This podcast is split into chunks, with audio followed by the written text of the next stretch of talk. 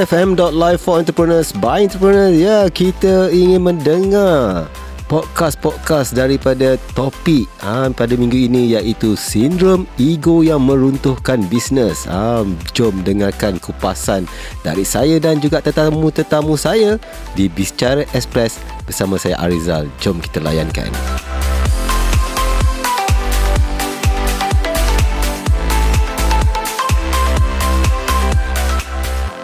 Dan seperti mana saya janjikan, saya ada tetamu di talian. Jauh orangnya, iaitu Tan Kim Leong atau lebih mudah dikenali sebagai Leo dari Pusat Tuition Integrity Jaya Sungai Petani Kedah. Apa khabar? Hai, khabar baik. Hai. Ha, Okey, boleh tak saya panggil Leo di sini? Boleh? Ah, Ya, boleh. Okey, Leo. Ah, boleh Ah. ceritakan berkenaan dengan apa sebenarnya pusat tuition ni? Of course lah pusat tuition yang diusahakan oleh Leo kan. Okey, boleh ceritakan Mm-hmm. sejarahnya se- seberingkas. Ah, okey.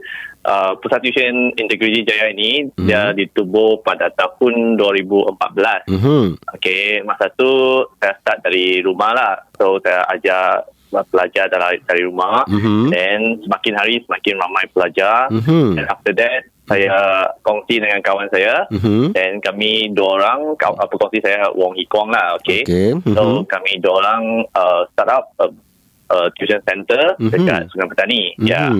So lepas tu kami starting grow business kami, Mhm. then then kami uh, ajar lebih ramai teacher Mhm. uh, lain subjek datang dalam uh, center saya. So Mhm. makin hari semakin kembang lah. So Mhm. okay.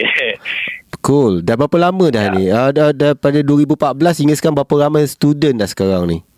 Sekarang sudah lebih kurang 300 student lah kalau kira kira by subjek lah ya. Oh, ramai 300 tu. Ya, ya Hmm. betul. Untuk Ah. sekolah rendah, sekolah menengah ataupun semua ada?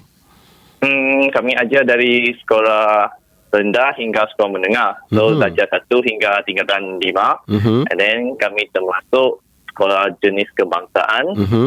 Okay, sekolah untuk sekolah rendah. Mhm. And then sekolah rendah untuk kebangsaan kami pun ada. Hmm, Ya. okay. So banyak subjek lah kan? Ya, betul. Alright. Okay, nak tanya dengan Leo ni. Leo ni sebenarnya background uh, pelajaran pendidikannya di mana ni sebelum ni? Okey, sebelum ni saya saya graduate dari Universiti Utara Malaysia Mhm. sebagai uh, dari bidang accountancy. Ah, jauh tu. So, Ah. ya. And after that saya Mhm. pergi kerja dekat KL Mhm. and apa uh, selepas lebih kurang lima tahun dekat KL Mhm. dan saya balik ke Kedah. Mhm. So, uh, then start start ni tuition business lah. Mhm. Ya. Hmm. So memang minat mengajar lah kan? Ya, betul. Ha, jiwa cikgu tu ada. Ha ha. Kan. Alright dan uh, of course dah 4 tahun lim, uh, dah 5 tahun dalam dunia ni pastinya uh, bisnesnya semakin berkembang dan semakin maju jaya dan uh, Ya, apanya sambutan pun makin baik kan. Sekarang ni Ya. pendidikan memang sangat-sangat salah satu cabang bisnes yang bagus sebenarnya kan dan sentiasa Yes, up to date. Ha, nak tanya dengan Leo ni, kita punya topik hari ini adalah berkenaan dengan um, sindrom ego yang boleh meruntuhkan uh, bisnes. Okey, apa pandangan Mhm. Leo pasal topik ini? Adakah Leo rasa ianya um, sebenarnya betul lah apa yang uh, topik ni nak katakan? Ya, saya rasa ini topik ini memang betul Mhm. sebab uh, uh, ego ini memang uh, can say is a, a moral value yang tak bagus lah. Mhm. Okay. So Mhm. kalau kamu terlalu ego dalam bisnes anda, Mhm. okay, mungkin kamu rasa bisnes kamu sudah terbaik dan Mhm. tidak kamu tidak pergi memandang uh, kompetitor kamu dan Mhm. macam mana mereka berkembang dalam bisnes mereka. So Mhm. dan kamu rasa kamu ada tertinggi kalau ego tak sangat mungkin okay kompetitor kamu akan uh, ambil alih bisnes Mhm. kamu pula uh, Hmm, jadi kita tak boleh uh, ego sangat. Kita kena balance kan. Uh, kita kena, Ya. kena lihat dulu di yang di bawah waktu sebelum kita naik. Sebab ramai kadang usahawan-usahawan sekarang ni bila dia dah besar, dah berjaya, dia rasa apa dia buat semua betul. Dia dah tak boleh terima dah orang lain cakap. ya Kan? Uh, adakah Ya. Leo sebegitu orangnya? Uh, tak sebab Tak, tak, eh? rasanya kalau memang tak ada Ha. kalau kalau macam tu kan uh, Hmm. kamu takkan rasa sebab dalam dunia ni lebih banyak orang yang lebih hantar daripada kita so Mhm. kita kena belajar daripada mereka lagi walaupun kamu sudah bukan kata saya sangat uh, Mhm. sangat uh, business saya sangat besar Mhm. tapi kami masih kena uh, learn daripada orang lain yang lebih berjaya daripada kita ya Betul. Tapi Yes. ada orang kata dengan saya, dia sebenarnya ego ni boleh dia kata. Tapi untuk mencapai kejayaan dia kata tapi kena kontrol uh, ego Hmm. ni.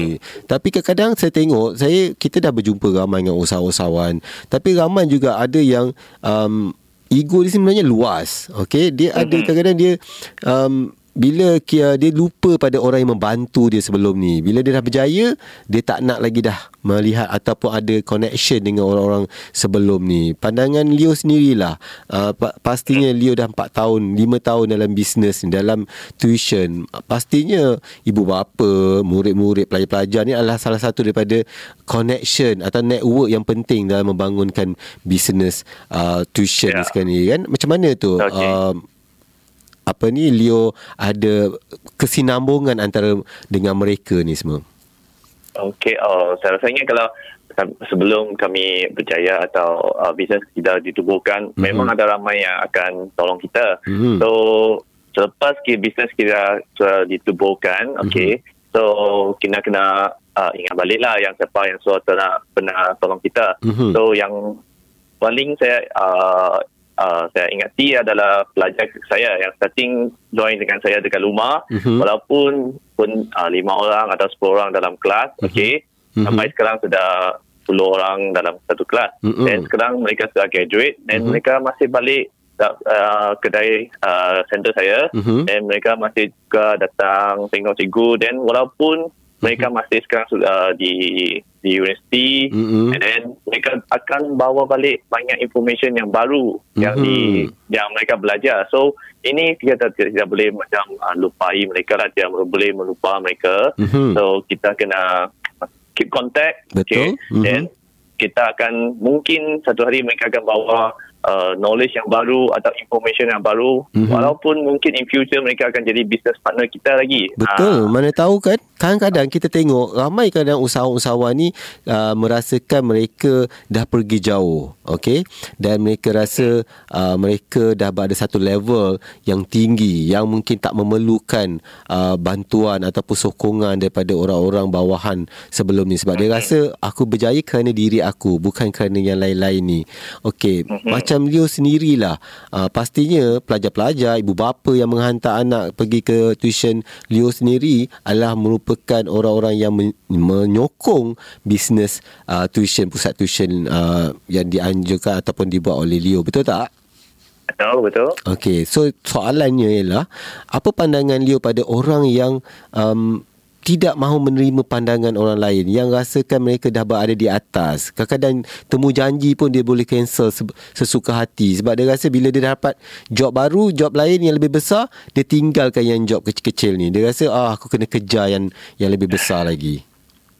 Okey.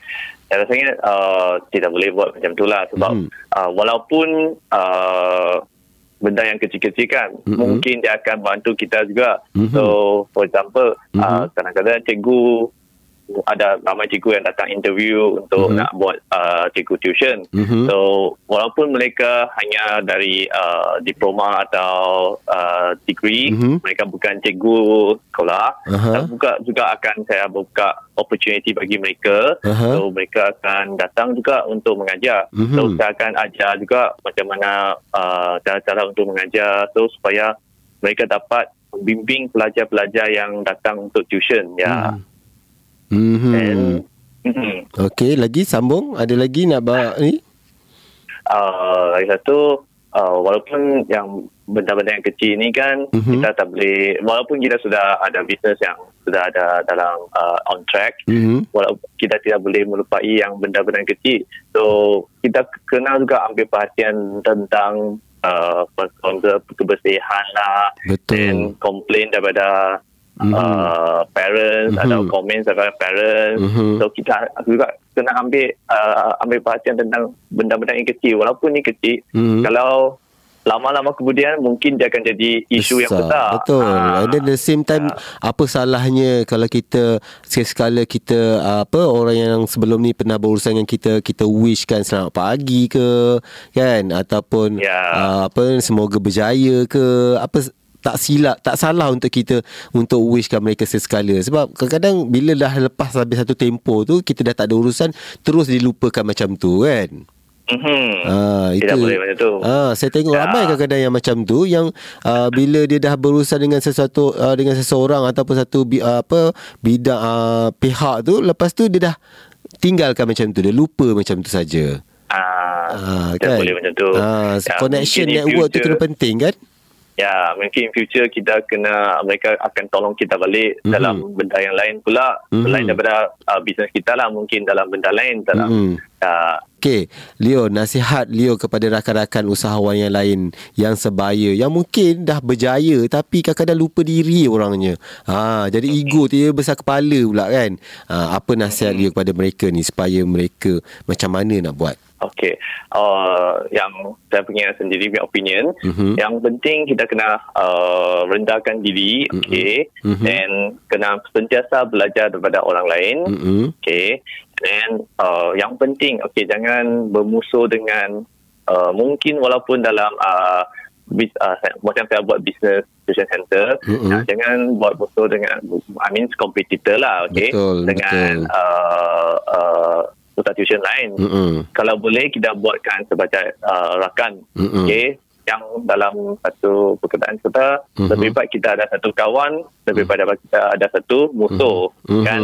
Ah, so kita kena sentiasa keep connection dan Mhm. amalkan diri dengan sentiasa ego rasa kamu terlalu tinggi Mhm. mungkin satu hari orang lain akan lebih pandai lebih handal daripada kita dan Mhm. take over kita ya so Mhm. kita kena sentiasa Rendah ah, diri. Ya, betul. Ah, Leo, Okey. ah, tak ada plan nak buka branch ke? Uh, so far kami akan fokus dalam uh, center kami. Hmm. Kalau boleh kami kembangkan dari satu kedai jadi dua kedai dulu Mhm. dalam tempat yang sama. Mhm. Sebab uh, semakin hari semakin ramai pelajar dan tengok kelas pun sudah semakin uh, penuh. Mhm. So kalau kalau boleh kami akan fokus dalam kedai yang sama dulu. Mhm. So in future kami ada uh, plan nak buka sebab sekarang, sekarang kami dekat Sungai Petani Utara. Mhm. Okay, in future kami akan masuk ke Sungai Petani Selatan. Mhm. Ya.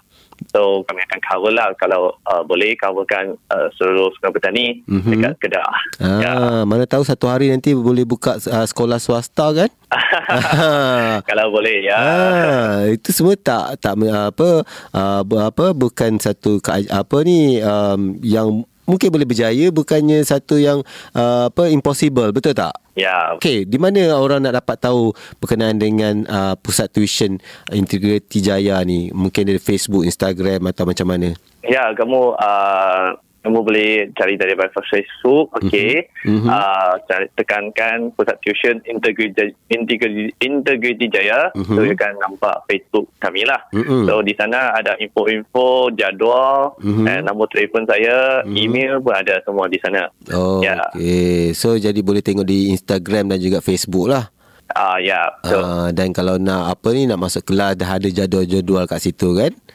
Terbuka Mhm. kepada siapa-siapa saja pelajar-pelajar lah daripada darjah Ya, satu eh betul. darjah satu eh Darjah 1 hingga form 5. form 5 Tingkatan berapa orang pela- tingkatan uh, guru ada sekarang ni Sekarang uh, ada lebih kurang 15 guru. Ya, 15 guru orang. wow Ya, ramai betul. tu dah macam Ya, satu sebab- sekolah sekolah dah ni sekolah rendah Sebab mereka setiap cikgu ada ajar subjek yang berlainan. Mhm. So kena ada ramai cikgu untuk ajar lah. Mhm. Sebab ah, banyak banyak subjek, banyak kelas. Ya. hmm, betul jadi berapa sesi dibuat daripada pukul 3 tu sampai pu- malam Biasanya kami satu satu kelas dua, dua jam. mhm So dari 3 hingga 10.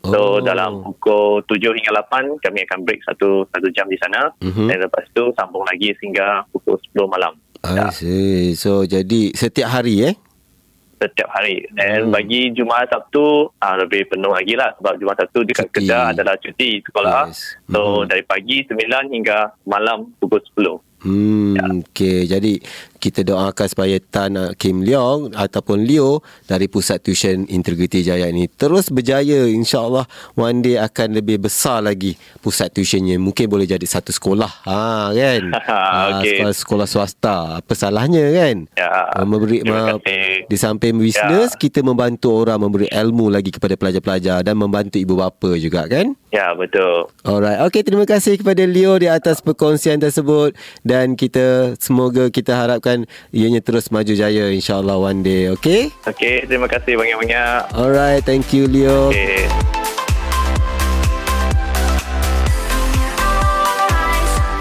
Itulah podcast Bicara Express yang telah disediakan oleh tim EFM. Teruskan bersama kami di episod seterusnya hanya di efm.live for entrepreneurs by entrepreneurs.